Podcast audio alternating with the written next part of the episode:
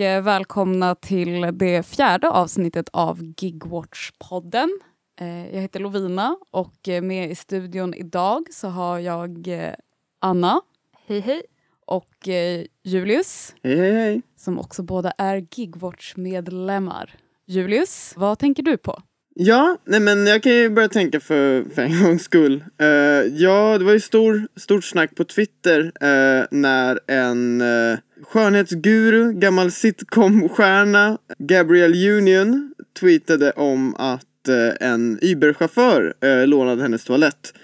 och att det var så avskyvärt och motbjudande och blev då en stort stort eh, ramaskri för först hennes eh, trogna, trogna följare, hennes trogna fanbase eh, som var så åh, gud vad, gud vad snäll du var. Eh, gud vad, gud jag skulle aldrig, ska vi, ska vi vara snälla 2020? Men sen när den fick lite mera, lite mer spridning, lite mer, lite mer uppmärksamhet så började ju folk utanför den här bizarra bubblan eh, reagera och vara såhär eh, varför är det här en grej att tweeta om eh, när du, när någon behövde låna toan? Men vad var problemet? Alltså varför blev hon arg för att någon lånade toan? Alltså så det, vad, vad var grejen? Det var någon som lånade toan. Det var i princip problemet. Uh, om jag ska citera tweetet här. Uh, Trying to be responsible and use Uber, vilket jag vill återkomma till med responsible-grejen. Uh, and our driver asked to use the bathroom 15 to 20 minutes later. Och sen har vi emojin av någon som är illamående, den gröna som håller på att spy. Uh, dude dropped a deuce. I'm pleased we clearly have a home and available reading material that screams Come in, get comfortable and drop the kids off at the pool. Welcome to 2020 folks. Bajs-emoji, kram-emoji. Uh, eh, vilket är ju vad många reagerar på, ett motbjudande sätt att se på medmänniskor och eh, bara livet i allmänhet. Så om jag har förstått det rätt så frågade alltså den här Uber-chauffören om han fick låna toaletten och hon sa ja. ja.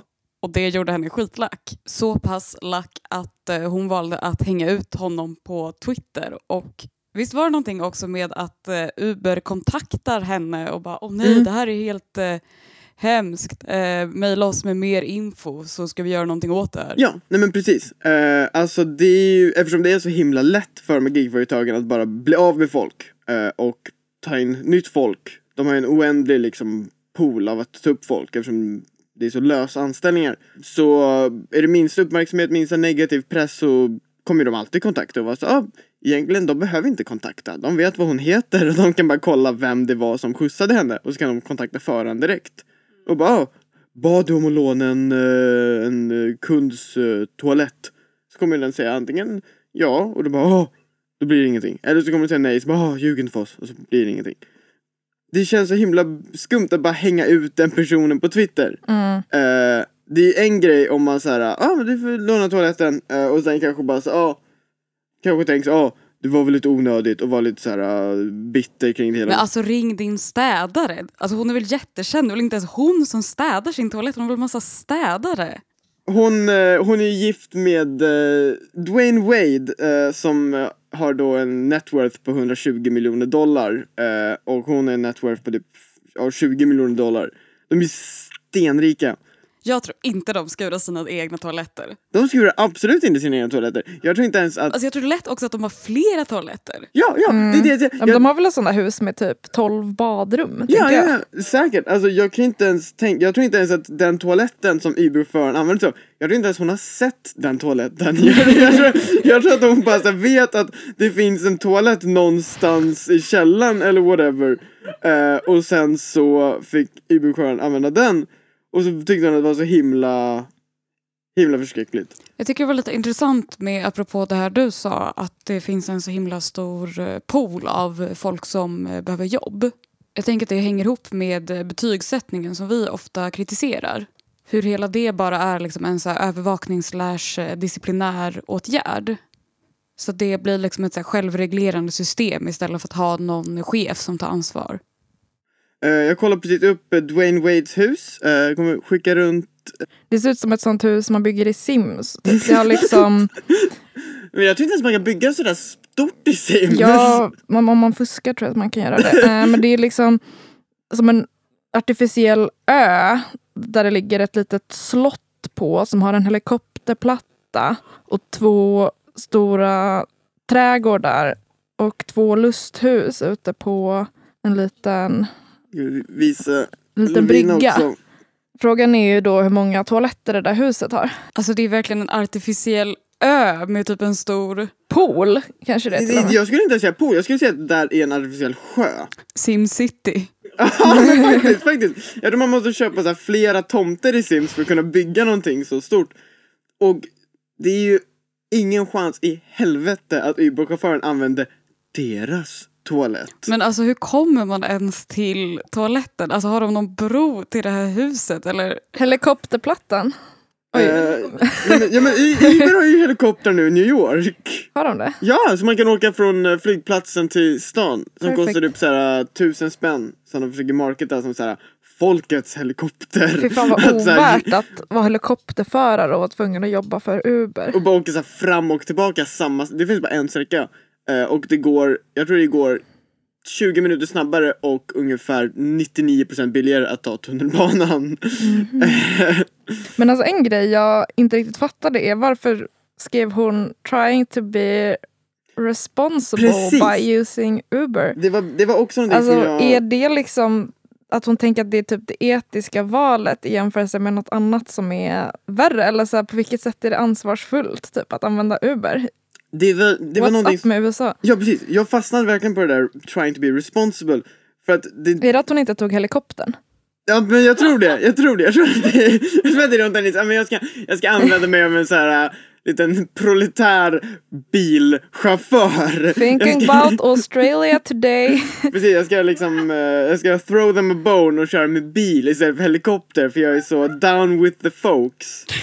Eh, nej men alltså det är en bisarr uppfattning hos många i USA har jag märkt med så här gig-ekonomin, eller som de kallar det, delningsekonomin. Att de har uppfattningen att man gynnar Uber-chaufförer eftersom de är egenföretagare. Då gynnar man dem istället för liksom åh stora st- företag med regulationer och så ska regeringen och det är mer, det är mer liksom så här. äh, Det är en väldigt um, fri marknadsfilantropi eller vad man ska säga. Man, man gynnar, man tror att man gynnar, eller man ja, låtsas att man gynnar. Men det är ju också ganska roligt, eller så här, inte roligt men väldigt ironiskt med tanke på att Uber-chaufförerna i USA ju verkligen inte vill vara egenföretagare. Alltså de här jättestora strejkerna liksom, som har varit bland både Uber och, och lyftförare och liksom där det finns flera stora juridiska konflikter i USA just nu handlar ju till stor del just om att de menar att de har blivit felklassificerade som independent contractors, alltså typ egenföretagare, när de egentligen borde vara anställda eftersom Uber i praktiken är ett taxibolag. Jag vet inte, det, är, alltså, det är en av liksom, tusentals sådana lögner som rika säger till sig själva för att kunna liksom, rättfärdiga det de håller på med. Jag bara så, ah, men det är mycket bättre att göra så här alltså, för då... Ja, jag vet inte. Eller så tänkte hon att hon skulle spara på miljön genom att inte ta helikoptern idag. Ja, det också. Som, som all andra tar trapporna liksom. Mm. Istället för att... men, men det jag tänkte på som du nämnde också i förbifarten just att de kallar det delningsekonomi. Mm. Är det någonting vi har pratat om hittills i podden, om det begreppet? Alltså det känns lite som att det begreppet har eh, övergetts Mm. och det känns jätteskönt tycker jag. Mm. Vad, vad tänker vi är problemet med... Liksom, vi använder ju inte begreppet delningsekonomi när vi pratar om gigekonomin. Men jag tänker att det är för att det är så himla missvisande. Eh, för att det klumpar ihop så många olika grejer. I begreppet ekonomi så innefattar det ju även eh, piratande eh, och typ bilpooler där folk liksom delar bil. Eh, och det har ju faktiskt ingenting med eh, det som vi kallar liksom gig-ekonomi som ju handlar om arbete att göra.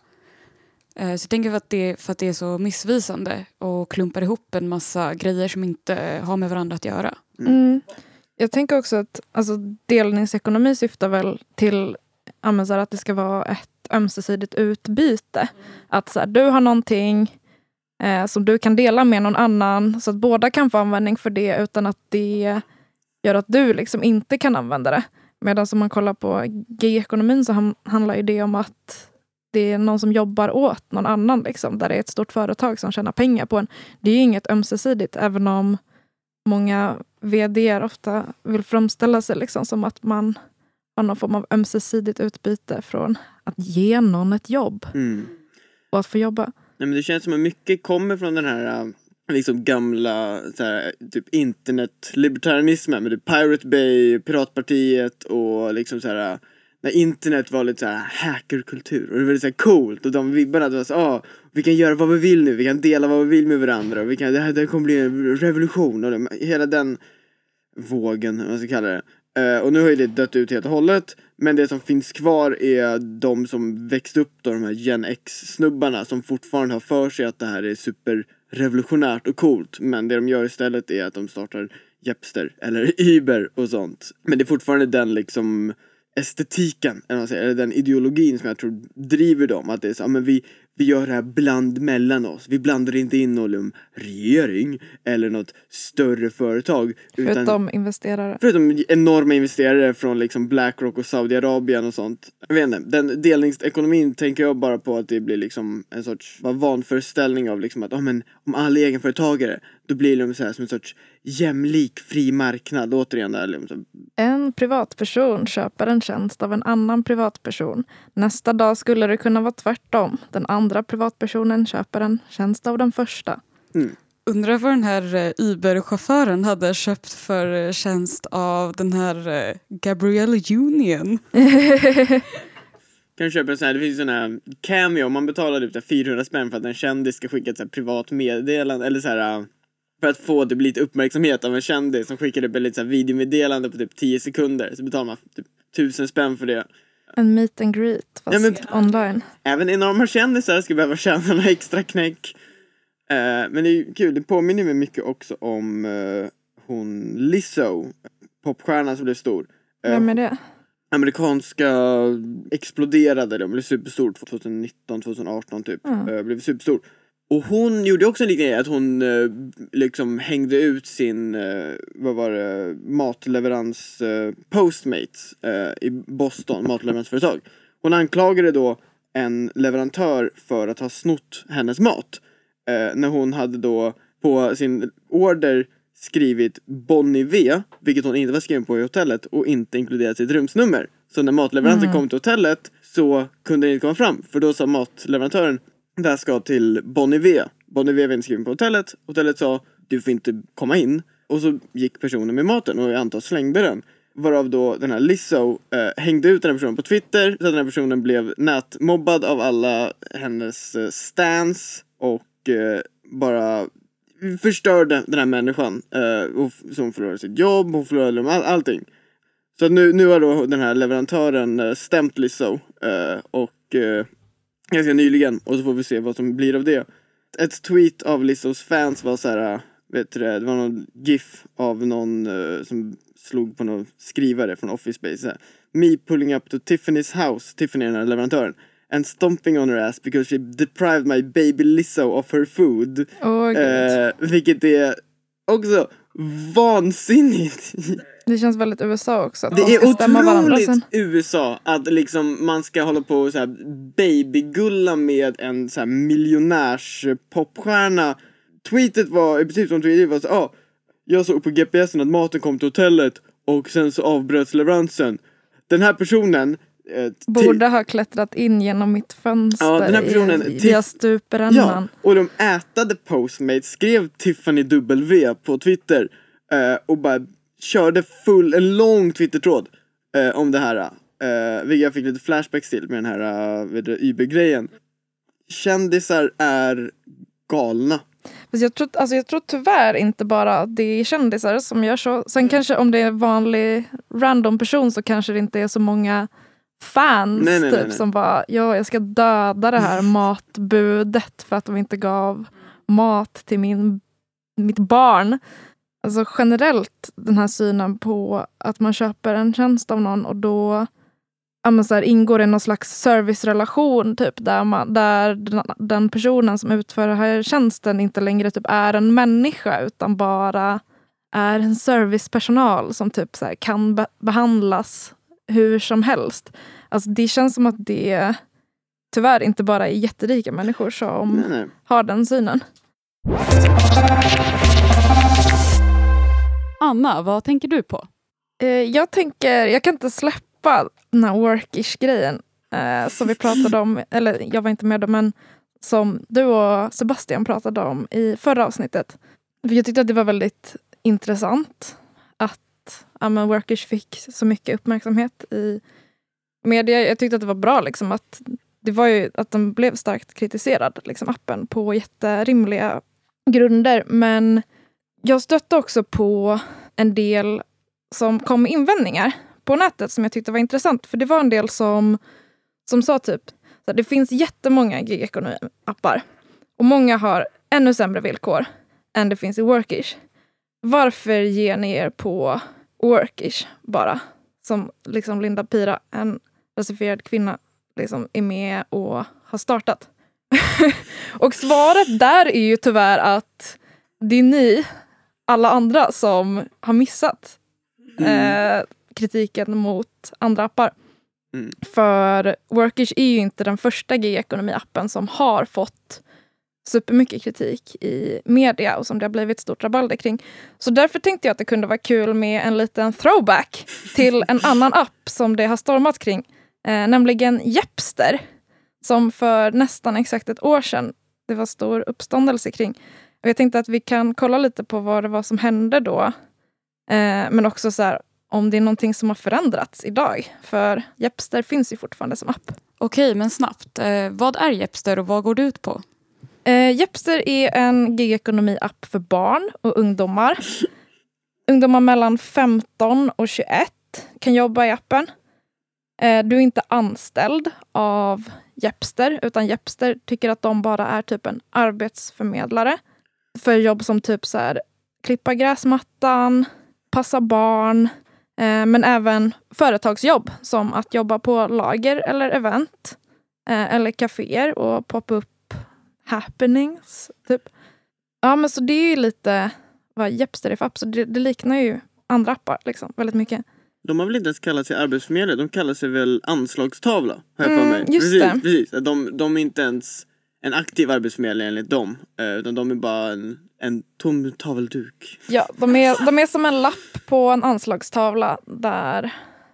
Eller de, de är anslagstavlan lappen sitter på där det står att någon vill ha hjälp med barnpassning. Förutom att den här lappen reglerar lönenivåer och så här uppmanar barn att så här levla typ, för att så här höja sin minimilön och lite annat. Men jag tänker att vi kan ge lite bakgrund till varför, varför det blev en grej i media. För det var nämligen så att en organisation som heter SUF, Syndikalistiska ungdomsförbundets lokalgrupp i Stockholm, startade en kampanj som heter Nopester, där de gjorde en hemsida och punktade upp olika kritik eh, mot Jepster. Bland annat att Jepster tar en 10-procentig förmedlingsavgift på varje utfört uppdrag. Precis som Workish gjorde. Och som Workish också fick superstark kritik för. Eh, så exakt samma sak, fast ett år tidigare så, så kritiserades eh, Jepster på samma premisser. Liksom.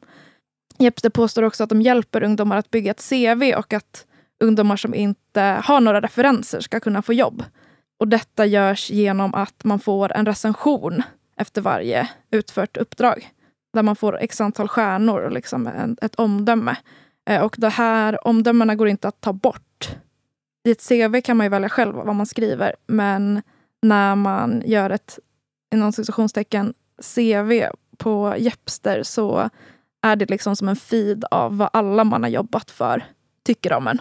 Det blir ju liksom jättejobbigt om man jobbar för till exempel eh, en rasist eh, och så är den ja, rasistisk mot den till exempel. Ja, eller om man jobbar för någon som är dum i huvudet. Alltså så här, det har ju aldrig hänt i hela världen att, att en chef har varit... Nej men precis. Eh, det blir en så himla utsatt situation. Eh, man blir betygsatt hela tiden och verkligen inte kan riskera ett dåligt eh, omdöme. Man får ju liksom inga chanser till att säga ifrån eller någonting. Och det är så himla konstiga premisser att arbeta under. Ja, men särskilt när man är typ 16 år gammal. En annan grej var också just det här med att Jepster försöker liksom göra arbete till ett spel där man kan stiga i level.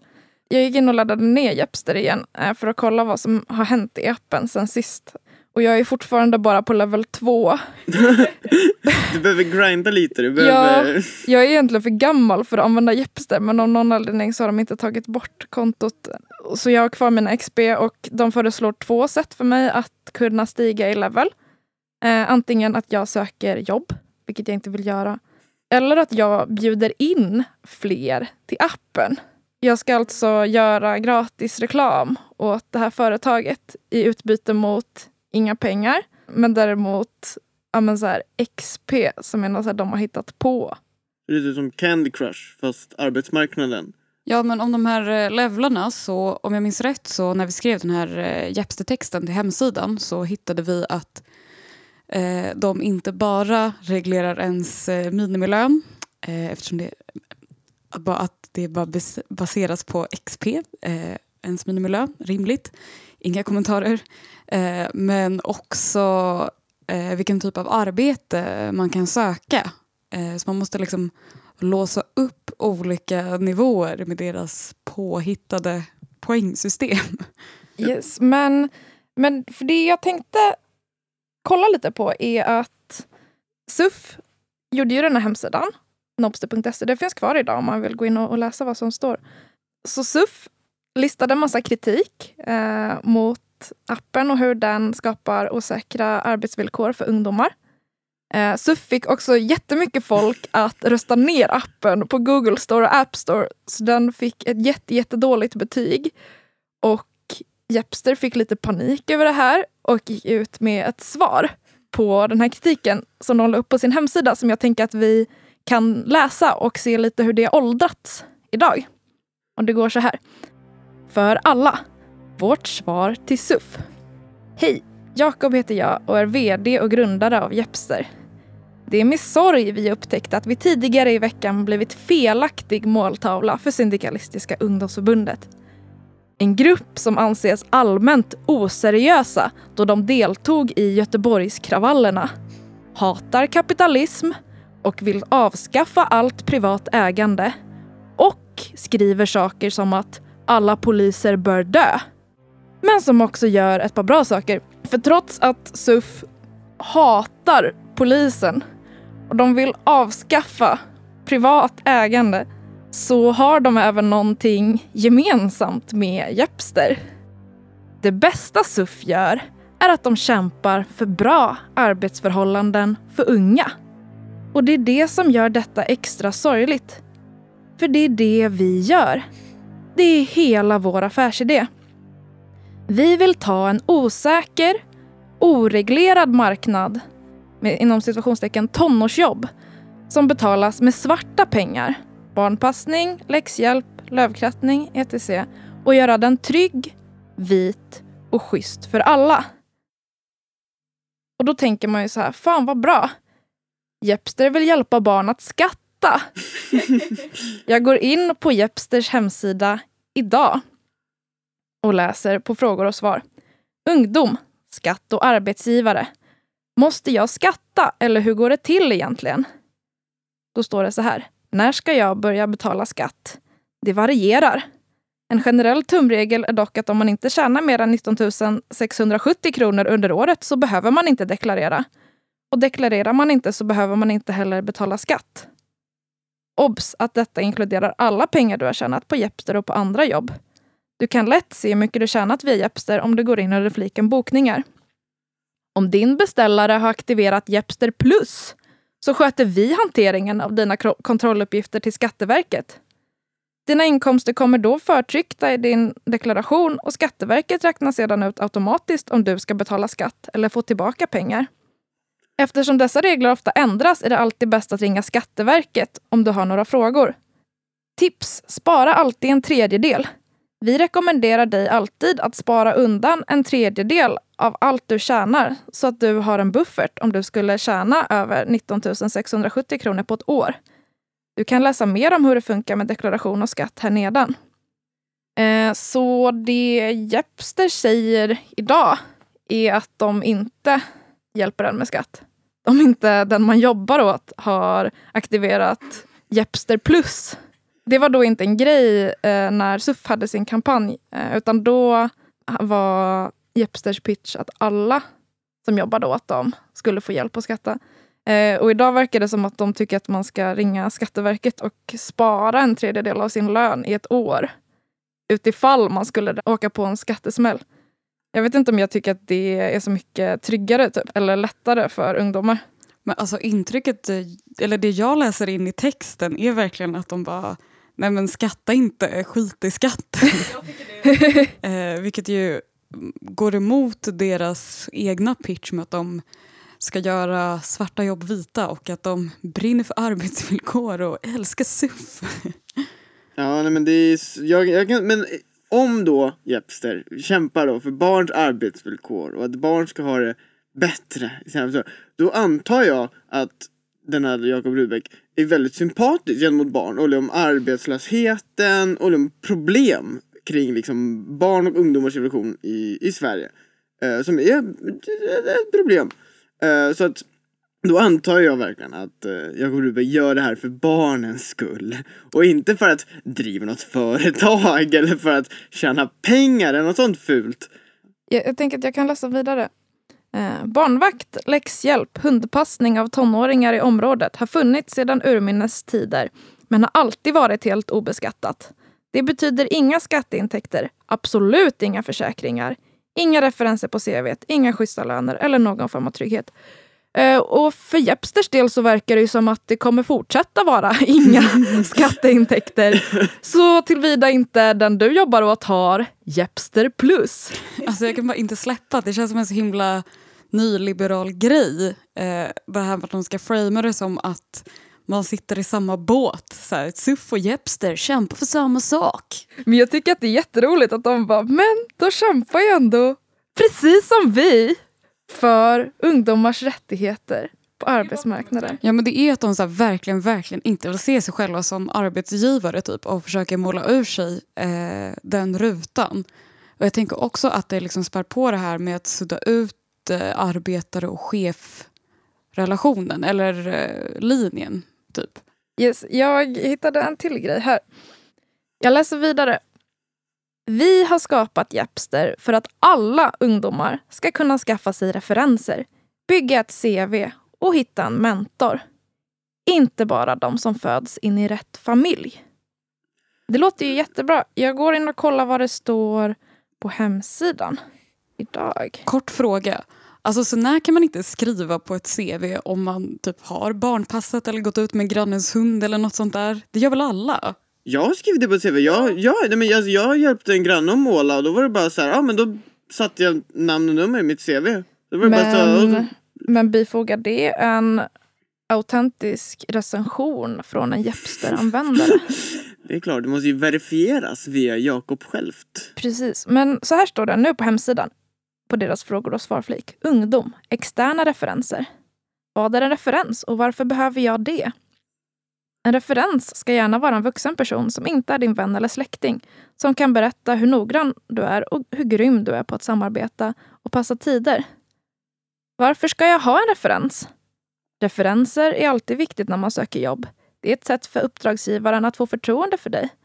För att få um omdömen och stjärnor på Jepster måste du genomföra uppdrag via appen. Men hur ska då en ny beställare veta om du är bra eller ifall du är helt ny på appen? Svaret är enkelt. Externa referenser. Så Jepster är ett sätt för ungdomar som inte har några referenser att kunna få referenser. Men för att kunna få jobb på Jepster så säger Jepster att man ska börja med att ha en referens. Jag har inga frågor på det. Eh, vi går vidare. Sen säger de så här. Punkterna som SUF driver är att vi ska ta bort gamification. Gamification är då det här systemet med eh, levels som man har. Gamification på Jepster är ingen dålig grej. Det är en sjukt bra grej. De ungdomar som tar jobb via Jepster låser upp karriärrelaterade bonusar som att besöka Spotifys kontor eller att bli medlemmar i Unga Aktiesparare. Jag kan inte tänka mig en bättre selling point än att bli medlem i Unga Aktiesparare. Ehm, men vi kan också ta en titt på ett klipp där Jakob Rudbeck, Jepsters vd himself, pratar lite just om det här levelsystemet. Som, vars en av deras pitchar är att om du har en låg level så kan du få en högre level om du får folk att ansluta sig till appen. Och du värvar dem genom att dela ut reklamblad för appen. Där det finns en sån här liten kod som om de ansluter sig med hjälp av den här koden så får du extra XP. Så du ska gå runt i ditt grannskap och dela ut reklam för Jepster obetalt. Vad har Jakob Rudbeck att säga om det? Det här är ingen stor grej nu, för precis som du identifierat, det är många ungdomar som säger nej men ska jag gå runt med flygblad en halvtimme eller en timme, då vill jag ha betalt för det. Ja, många ungdomar säger så här att om jag ska jobba åt ett företag och dela ut reklam åt dem, då vill jag ha betalt. Eh, det är korrekt. Eh, så det är absolut något vi har diskuterat internt. Så att kan vi på något sätt få loss pengar? För helst vill vi ju absolut betala en, en 50-lapp för att gå runt en, en halvtimme med flygblad eller en hundring eller vad det nu än är. Eh, och bakgrunden till det här är då att Jepster har tagit emot x antal miljoner i investeringspengar när det här samtalet spelas in. Och de har också haft en annonskampanj i Stockholms tunnelbana där de har gjort reklam för appen. Men de har inte råd att betala ungdomarna för att eh, inte behöva jobba gratis. Eh, men vi, vi, har väldigt svårt för det första veta om jobbet har blivit gjort av Aron i Bengtsfors. Vi vet inte om han gick ut med flygbladen. Ungdomar är som ungdomar är. Ungdomar är som ungdomar är. Uh, det är förmodligen många som inte kommer gå ut med några flygblad. De kommer klicka jag har gått ut med flygbladen, skicka mig 100 spänn. Och så kommer man inte gå ut med flygblad. Ja, man vet ju faktiskt inte om de lata och bortskämda ungdomarna som är så jävla opolitliga egentligen kommer jobba om man inte övervakar dem varje sekund. Det är ett problem som man stöter på när man är vd för en app som marknadsför sig mot barn. Slutligen så står det så här. Och vårt arbete börjar ge resultat. Under 2018 kommer Jepster göra mer för unga och unga nyanlända än Arbetsförmedlingen. Om ni vill träffas och diskutera hur vi tillsammans kan göra världen lite bättre för ambitiösa ungdomar är ni varmt välkomna till vårt kontor. Och med det vill jag avsluta med ett inlägg i ungdomsarbetslöshetsdebatten av Jakob Rudbeck. Den vanligaste frågan som vi får dagligen, det här är kanske 20 frågor om dagen, det är ungdomar som säger Varför finns det inga jobb där jag bor? Appen som skulle lösa problemet med ungdomsarbetslösheten mottar varje dag 20 frågor om varför finns det inga jobb där jag bor? som man låter när man är en ungdom som inte har något jobb. Och som hör av sig och är jävligt jobbig mot en app-vd som har lovat en jobb. Men han verkar ju vara så väldigt, eh, väldigt eh, rar kring hela hans eh, just integrationsfrågan. Han var så, ah, vi, vi har gjort så himla mycket. Eh, jag tror inte de har visat något faktiskt eh, bevis på det. Jag tror att det är någonting de bara sagt typ. Sen så, vad heter det, är det ju kul för att det är ju inte som att klippa gräsmattan eller vara hundvakt eller något sånt. Eh, rent eh, forskningsmässigt visar på någon typ av större påverkan på ett CV eller sånt. Utan det är sånt som nästan alla kan eller inte har på sitt CV. Men om jag minns rätt när det här var en grej för något år sedan att det var någon som skrev på Twitter alltså, men det här påverkar faktiskt inte ett CV när det gäller liksom något eh, ansevärt jobb. Du är lika sannolik att få ett eh, McDonalds jobb eller något sånt även om du inte har varit hundvakt några gånger. Ja men hela den här enkla jobbvurmen och typ många gigförespråkare försöker ofta framea det som att liksom deras tjänster ska vara så lösning på stora arbetsmarknadsproblem, alltså typ arbetslöshet. Och det är ju en jättekonstig pitch. Men det är också väldigt den här, här nyliberala marknadsfilantropin. Att vara så, ah, vi, måste, vi måste hjälpa folk, saker måste bli bättre. Men vi kan ju inte liksom vara hårda eller ta tag i saker. Vi måste bara försöka få saker att hända bra av sig självt. Men jag tänker tanken är väl också då, eller så här, deras pitch är väl att du börjar jobba för Jepster med att typ klippa gräsmattan. Eh, och sen kan du använda ditt CV för att kunna jobba på ett företag och kunna få en riktig anställning. Liksom. Eh, men det roliga då, eller roliga, men grejen då är ju att Jepster har också börjat med företagsjobb. Där de agerar som någon slags metabemanningsföretag. Så att om du har lyckats levla tillräckligt högt i level, vilket jag inte har. Men den som har delat ut tillräckligt många reklamblad, liksom har fått alla grannar att, att skaffa Jepster eh, ideellt, kan jobba ja, så här, på företagsevent, på lager, på kaféer, who knows. Och då är man inte anställd av företaget man jobbar för. Man är inte anställd av Jepster heller. Kan ni gissa vem man är anställd av? Man behöver inte vara anställd av någon om man är egenföretagande ungdomsentreprenör antar jag. Det är för sig sant. men, men varför ska då typ Jepster ens vara inblandade? Eh, man är anställd av Frilans Finans. Jaha! Där, ah, där kommer de in i bilden. Ja, det är klart. Eh, så företaget betalar Frilans Finans för att du ska få jobba där utan att de ska behöva anställa dig. Eh, vilket gör att du kan ha jobbat jättemycket och skaffat supermycket erfarenhet men du kommer ändå inte få en anställning någonstans. Det här är ju också ett jättemärkligt sätt för Jepster att liksom äta upp vanliga jobb för ungdomar. Mm. Alltså nu ska du inte ens kunna jobba på, ja så här, ha ett, ett extra jobb liksom på ett event utan att du ska outsourcas med två mellanhänder. Mm. Men det, det, det, det är väl den stora drömmen, att det är bara en sån pipeline direkt till att bli frilansare och så får man liksom fastna i att vara det så länge det bara går. Men hur är man frilansare på det ett lager? Inte. Det är man ju inte. Det är ju bara påhittat för att man inte ska behöva anlita någon. Alltså det är det som är hela grejen. Ja men det är det jag tänker också är en så här jätteviktig myt att eh, spricka. Att liksom de skulle skapa jobb. När det egentligen det de gör är att de gör trygga jobb otryggare. Att de liksom tar saker som var mycket tryggare förut och så här, det är de som är problemet. Ja, sen, jag vet inte, alltså, det är inte som att så här, ungdomsjobb var så här, trygghetscity innan. Att så här, bara, åh, nej, jag blev fast anställd direkt. Nu har jag hundra fastanställda ungdomar på mitt jobb som jag inte kan sparka. Eh, men det här är ju verkligen en så extra level typ av otrygghet. Där också så här, Jepster är ju typ ett bemanningsföretag. Men de är ju inte ens ett bemanningsföretag i bemärkelsen att man blir anställd av dem och sen blir uthyrd till någon annan. Jag läste på Jepsters hemsida att för företagen kostar det 220 kronor i timmen att anställa, eller inte anställa då, men att få en Hyra. Ung, eh, hyra en ungdom eh, som jobbar åt dem. Eh, Medan ungdomen får 120 kronor i timmen för det. Och då undrar jag ju, de här 100 kronorna i mellanskillnad, var hamnar de?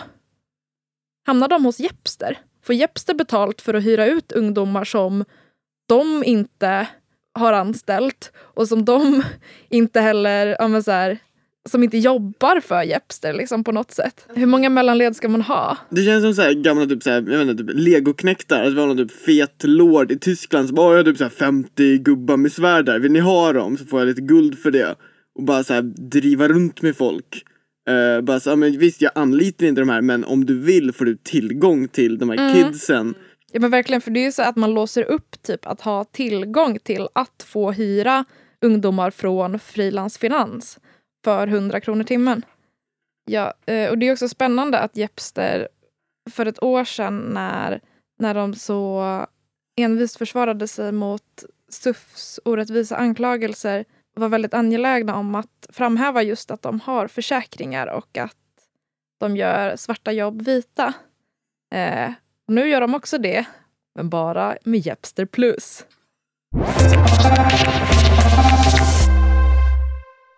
Okej, jag har en eh, jättetråkig nyhet att dela med mig av. Jag har tagit en lite närmare titt på arbets... eh, miljön för eh, cykelbud och eller, ja, möt, matutkörningsbud med anledning av en incident i London förra veckan där en eh, förare, en mopedförare som jobbade både för Deliveroo och Uber Eats eh, blev knivhuggen i London och eh, dog. Oj, han blev alltså mördad. det var Eh, sjukt. och polisen säger att det liksom inte var något... Alltså att det bara liksom var typ något spontant trafikbråk typ. Var det någon som fick road rage typ? Ja, och bestämde sig precis. för att kniva ett cykelbud? Precis, precis. Jaha, Eh, mm. Och eh, det var en algerisk medborgare som bott i England i tre år som föll offer. Eh, och det har fått eh, Jeremy Corbyn bland annat att uttala sig om att de här buden är liksom väldigt utsatta och borde ha bättre villkor. Men det verkar också vara liksom en grej i London typ att bli knivhuggen. Eller typ 95 personer per år blir typ knivhuggna i London. Verkar jätteläskigt. Mm. Det är alltså inte dit man ska åka om man inte vill bli knivhuggen. Tydligen inte. Men, men liksom, vad är kopplingen mellan arbetsvillkoren och det här mordet? För som jag förstod det så... Eller så liksom att det var någon random typ som hade mördat honom. Precis, precis. Eh, men han liksom var ju ändå i tjänst i liksom sin... Eh, eller jag vet inte om det var när han jobbade för Deliveroo eller när det var att han jobbade för Uber Eats som han blev attackerad. Men hur Mm. har företagen liksom tagit ansvar för det? För jag tänker att det är ganska sjukt typ att så här, åh, en av våra anställda blev mördad när han jobbade. Ja, det verkar inte ha hänt så mycket på den eh, fronten från företagets del. Några dagar senare så var det i alla fall ett annat eh, bud för Deliveroo som blev eh, attackerad, men typ trakasserad. Han hette Ibrahim och de här attackerna, eller vad man nu ska säga, verkar följa väldigt rasistiskt motiv. Och den här föraren Ibrahim hade blivit, då hade varit två fotgängare som skrek på honom och hans kollega lite olika rasistiska ord och så här, att de typ skulle åka tillbaka till sina hemländer etc. Eh, som blev liksom typ puttade mot typ ett staket eller någonting. Eh, som liksom fysiskt eh, angripna eh, tre dagar efter mordet. Ibrahim var väldigt uppskakad efter det här. Deliveroos svar då var att Eh, han eh, fick ta några dagar ledigt utan sjuklön såklart. Eh, och de betalar liksom ingen någon så här, skadeersättning eller någonting. Och företaget tänker inte ta kontakt med eller liksom göra en polisanmälan eh, utan det får han göra själv fast han var i tjänst. Det de kunde göra var att byta hans, att han fick jobba i en annan stadsdel. Men det var allt som eh, de tyckte att de kunde göra. Så de är typ fine med att deras anställda, eller är de anställda eller är de independent, Independent contractors? contractors. Deras egenanställda blir attackerade. Ja, alltså det enda de har gjort var att arbetstid. de typ, ja, de gjorde väl ett uttalande bara vi tar avstånd från rasism. Det här Mm. är dåligt. Men de verkar liksom inte göra några åtgärder för det här. Eh, och jag läste en till artikel med ett annat bud som hade sagt så här. Mr Garabi said an attacker punched him in the eye and dislocated his socket. My attackers are still in the streets. The police do nothing. It happens. Nobody's going to save you. The company does not care. We are self-employed, but the food we are carrying is insured. Mm. Alltså att liksom maten, eller som det du sa, så att man typ om man inte får maten i tid eller någonting, då kan företaget stå för det. Ja. Det är typ försäkrat. Men Precis. deras arbetare är inte försäkrade. De har lägre värde än en pizza. Mm. Ja, alltså tydligen. Och eh, vidare i artikeln så står det så här. Eh, one driver said they felt unsafe 100% of the time. Another said I was attacked here by people with a big machete and now Åh, this Gud. man has been killed for no reason. The police do nothing. Nej men det är ju så alltså, sjukt hur, det är någonting som vi är väldigt ovana vid i Sverige med så här, pizza och matleveransbud eftersom det är en relativt ny grej i alla fall i Sverige då. Men det är ju ett sånt vansinnigt farligt yrke. Är Eh, det farligt? det är jättefarligt. Eh, femte dödligast i USA. Eh, What? Ja, per 100 000 så är det 38 som dör i jobbet eh, av eh, pizzaleverantörer i USA. Det är jättefarligt. Eh, och det är trafikolyckor och det är att man blir bara dödad av att man liksom, det går ju ut på att man går till främlingars hus. Och, eh, det, Ensam är väl liksom, alltså alla jobbar ju alltid ensamma. Mm. Det verkar ju vara en stor riskfaktor i det här. Men jag vet inte, alltså det är väl många olika yrken där man kanske besöker folk i deras hem. Och jag tänker också att det är ju inte det enda yrket där man är i trafiken. Men är det att de jobbar under så hög tidspress liksom att, att det uppstår extra många trafikolyckor? Eller är det att folk hellre kör på ett pizzabud? Det är nog, eh, det är, det är tidspressen skulle jag säga. Alltså just USA den här statistiken kommer från, att det är så farligt. Eh, där är ju många pizzerior som har så ah, om- du inte får din pizza under eh, en halvtimme eh, så är det en gratis pizza. Vilket leder till otrolig press för buden att eh, köra så fort som möjligt och komma fram så fort som möjligt. För de får ju också provision, så att, vilket är samma som gigarbetare får. Att desto mer man levererar inom en viss tid, desto mer tjänar man. Eh, Så är det en otrolig press. Eh, Så det är 75 procent eh, som dör av trafikolyckor och 25 procent som blir mördade. Men gud! Ja, alltså, Men är det, är det farligare än typ att vara polis? det är definitivt farligare än att vara polis. Eh, Det är det, är det femte farligaste yrket, eller dödligaste yrket. Polis är det tolfte eller trettonde farligaste yrket, beroende på hur man räknar. Det är otroligt hur vi inte i hela debatten kring liksom i Sverige med leveransbud och att det har blivit som vanlig grej i Sverige väldigt fort.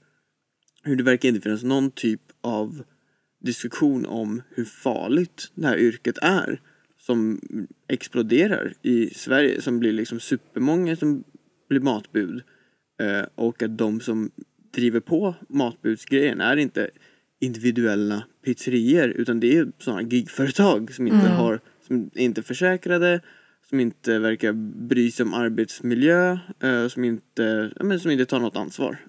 Men jag tog en närmare titt på Sverige också just eh, och kollade hur det såg ut här. Och då läste jag en artikel i Breakit där de skriver att eh, det skedde en allvarlig olycka i Stockholm med ett cykelbud som jobbade på Foodora.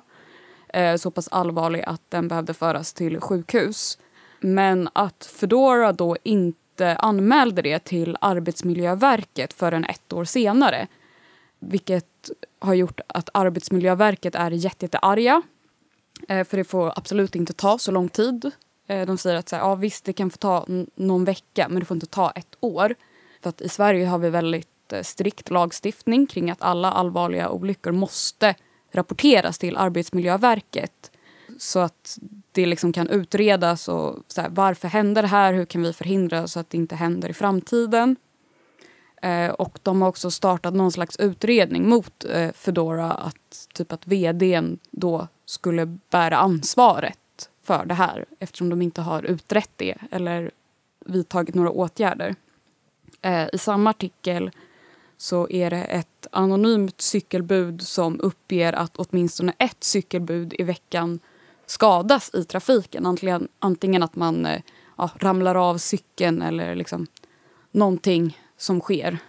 Cykelbuden måste ju liksom ha sina egna cyklar så det är inte som att de typ får dubbdäck av företaget eller något sånt när det liksom är halt ute på vägarna och så måste man ändå cykla jättefort. Ja, men och jag tänker alltså som vi har fått höra när vi har pratat med cykelbud i Sverige är ju också att, ja, men som du säger, att de, de står ju för all utrustning själva. Så att om de skulle vara med i en olycka, ja, men sen där kanske inte de själva skadas, men att cykeln går sönder, eh, så får de ju ingen ny av företaget. Den är ju inte försäkrad och de får ingen ersättning liksom, för att kunna reparera den. Och det är ju deras arbetsredskap. Vilket gör att om det händer en olycka och cykeln pajar och de inte har råd med en ny, vilket det är, många som inte har i och med att det är väldigt många som lever på supersmå marginaler liksom, i de här branscherna, eh, då kan man inte jobba. Mm. Om du inte springer med pizzorna på ryggen i den där kuben. Mm. Men jag tänkte på det, det är ju sjukt att pizzabud Ja. är femte farligaste yrket i USA. Det kanske är pizzabuden istället för poliserna som borde vara beväpnade. Ja, det är de som borde ha sin egen liksom, så här, rörelse för så här, jag vet inte, vilken, vilken färg ska en pizzabud ha? Typ eh, pepperoni lives, vad är det de kör? Blue lives matter kör ju polisen, att de har så här civilrättsrörelse för polisrättigheter. Mm. Eh, ja, mm. Nej, men det... Men alltså det är så jävla sjukt. Alltså jag, eller, typ med hela det här mordet och allting. Det är så jävla grovt och så... Jag blir så himla arg. Alltså jag vet ju att även arbetsköpare i Sverige, liksom, när man är anställd, inte tar det ansvaret som de borde ta liksom, om man blir utsatt för någonting på jobbet. Men att här är det liksom så mycket grövre och ännu tydligare att så här, företaget bara, ah, nej vi tar typ avstånd från rasism. Men det verkar vara en jätte, jättevanligt förekommande grej att eh, deras eh, bud som då oftast inte är eh, liksom, ja, vita engelska medborgare då i eh, det här eh, engelska fallet eh, blir liksom ofta, ofta utsatta för rasistiska attacker och företaget bara ja, rycker på axlarna och bara men ni, ni är ju egenanställda liksom så att det är upp till er och att det liksom inte ens finns någon chef som kan backa en när man varit med om någonting så jobbigt. Det måste ju liksom vara deras ansvar att så här, göra så att man är trygg på jobbet. Men att de liksom inte ens kan betala ut en sjuklön. Ja, du Mm. slipper jobba i tre dagar om du liksom inte behöver inkomst. Typ. Alltså det är helt... Och också så, ja, men då, då skickar vi, då kan du jobba i ett annat område. Så här, oh, gud, vilken, vilken tur. Det här rasistfria området Ja, där det inte sker verkligen. några Ah, yes. hatbrott. Eh, och, och det är också sådär, men den personen jobbade väl förmodligen i det området för att det är där det är smidigast. Kanske närmast där den bor eller något sånt. Så det är också bara en sån otroligt värdelös liksom, eh, inte, symbolhandling. Och bara vara så, ah, men vi låter dig, eftersom du är en egenföretagare, så kommer vi såklart låta dig frivilligt jobba en annan del av stan. Hade han velat jobba där så hade han redan gjort det. Eh, Det är väl där det blir så genomskinligt att det inte är så mycket egenföretagare. Mm. Egentligen för att oftast så eh, får man inte styra i särskilt stor utsträckning när och var man ska jobba som cykelbud. Så att du är inte anställd men det är fortfarande ett företag som sätter dina arbetstider. Och sen kan du vilja tacka nej mm. om du gillar att inte ha några pengar. Men de verkar ju se de här områdena. Jag antar att de har något sorts eh, nätsystem eller någonting för olika städer, olika områden där man kan jobba. Eh, och det verkar ju som att de här företagen ser det som arbetsplatser. Att ett helt liksom, område i en stad, men det är din arbetsplats. Eh, på samma sätt som om det finns ett eh, företag med flera platser, att om det är problem någonstans så kan man få liksom en transfer till ett annat ställe. Men att istället för att det blir transfer till ett annat kontor eller butik eller någonting så bara, ja men du får fortfarande jobba i samma stad och allt sånt. Men vi kommer bara låta dig vara på den här andra arbetsplatsen. Som att det vore någon jävla uppoffring för dem. Liksom att så här, ja vi flyttar dig och så får någon annan Och du behöver inte jobba idag. Mm. Du får inte jobba helt gratis. Ja, varsågod. Alltså, vilket också väl hela deras, deras pitch om att man ska vara så fri som egenföretagare är väl att man inte behöver jobba när man inte vill. Att det är, man, man, man får jobba när man vill helt enkelt. Om man inte vill jobba så behöver man inte jobba. Ja, alltså I agree. Men grundproblemet där är att det är inte så många som jobbar för att de vill. Nej. Man jobbar för att man behöver. Ja. Om man bara skulle jobba när man ville så tror jag att de flesta kanske inte skulle jobba så mycket som Mm. de gör. Och kanske speciellt inte med det de jobbar med. Mm. Och det blir väldigt konstigt att så här, du kan jobba när du vill. Istället för att så här, du behöver nog jobba ungefär 40 timmar, more or less, för att kunna försörja dig. mm. Eh, och frågan är om vi kommer ge dig de timmarna eller om du behöver ha tre jobb för att få ihop dem. Men man reducerar det till att så här, det skulle, skulle vara så här, beroende på vad man kände för, typ om man Mm. ville ha pengar för att klara sig. Ja, så här, vill du betala hyran eller inte? Men också så här, han, han som eh, blev mördad, att, här, att han också jobbade både för Deliveroo Mm. och Uber Eats. Alltså att det är liksom så här, ännu tydligare att okej, du har liksom exakt samma jobb fast för två olika företag. Mm. Mm. Ja, vi snackade ju med, med en kille som, som var anställd på ett eh, matleveransföretag som sa det att eh, när det kommer nya personer så uppmanar de alltid att ta flera jobb på flera olika gigföretag. För att man kan inte försörja sig på ett. Mm. Eh, de kallar det för extrajobb men det det blir i praktiken är att man behöver tre inom situationstecken extra jobb för att få ihop samma liksom, lön som ett enda riktigt jobb. Mm. Men då blir det som delningsekonomi fast man delar på arbetare mellan. Att ja, men nu, nu är vi klara med den här snubben för det här uppdraget. Vill du ha någon för ett uppdrag och bara bolla runt lite? En delningsekonomi fast bara för företag. Ja, precis. Och de delar på oss. Ja. Kul. Just det, apropå bud som blev mördade i tjänst. Det här är ju en liten annan grej. Men kommer ni ihåg det här som var stort för ett par veckor sedan med typ ett värdetransportrån där chauffören i USA, där chauffören hade blivit tagen gisslan och de var omringade av polisen. Och polisen sköt ihjäl chauffören som liksom kom ut med händerna över huvudet eh, ur den här värdetransporten. Och de sköt ihjäl alla transportrånare och de sköt också ihjäl några random Två civila. två civila som bara råkade vara på plats för de sköt nämligen mitt på typ en trafikerad motorväg där det var jättemycket bilar som stod runt omkring. Mm. Eh, och företaget, apropå det här med att inte värdera sina anställdas liv eller arbetare, liksom, även oavsett om de är anställda eller inte, eh, går då ut och tackar polisen. Men Mm. gud, det, är- alltså, det, ah, alltså Nej, men- det är så himla sjukt. Alltså, så här, speciellt det med den där kommentaren som jag läste upp att så här, ah, we are self-employed. Eh, the food we deliver is Mm. insured but, eh, but we are not. Mm. Alltså den videon var bland det sjukaste jag sett. Polisen liksom tog, eh, tog skydd bakom civilbilar mitt på motorvägen och bara sköt helt, alltså bland Men det var som ett tv-spel där man bara skjuter liksom, m- matar ut magasinet. Fast det var jättemycket riktiga människor överallt. Jag tror att det var faktiskt så polisen själva såg på situationen. Så det var bara bisarrt. Och, och hela grejen med chauffören, eh, att företaget var väl så, ja, som du sa, typ tacka polisen. Ja, det var synd men eh, polisen måste göra sitt jobb. En kula som tillhörde en polispistol hamnade av okänd anledning i en av våra chaufförer. Vi tackar polisen för deras insats. Jag tänker att det, det säger en del om hur lågt värde man har generellt som när man jobbar på ett företag. Mm. Eh, och att man är väldigt utbytbar. Mm.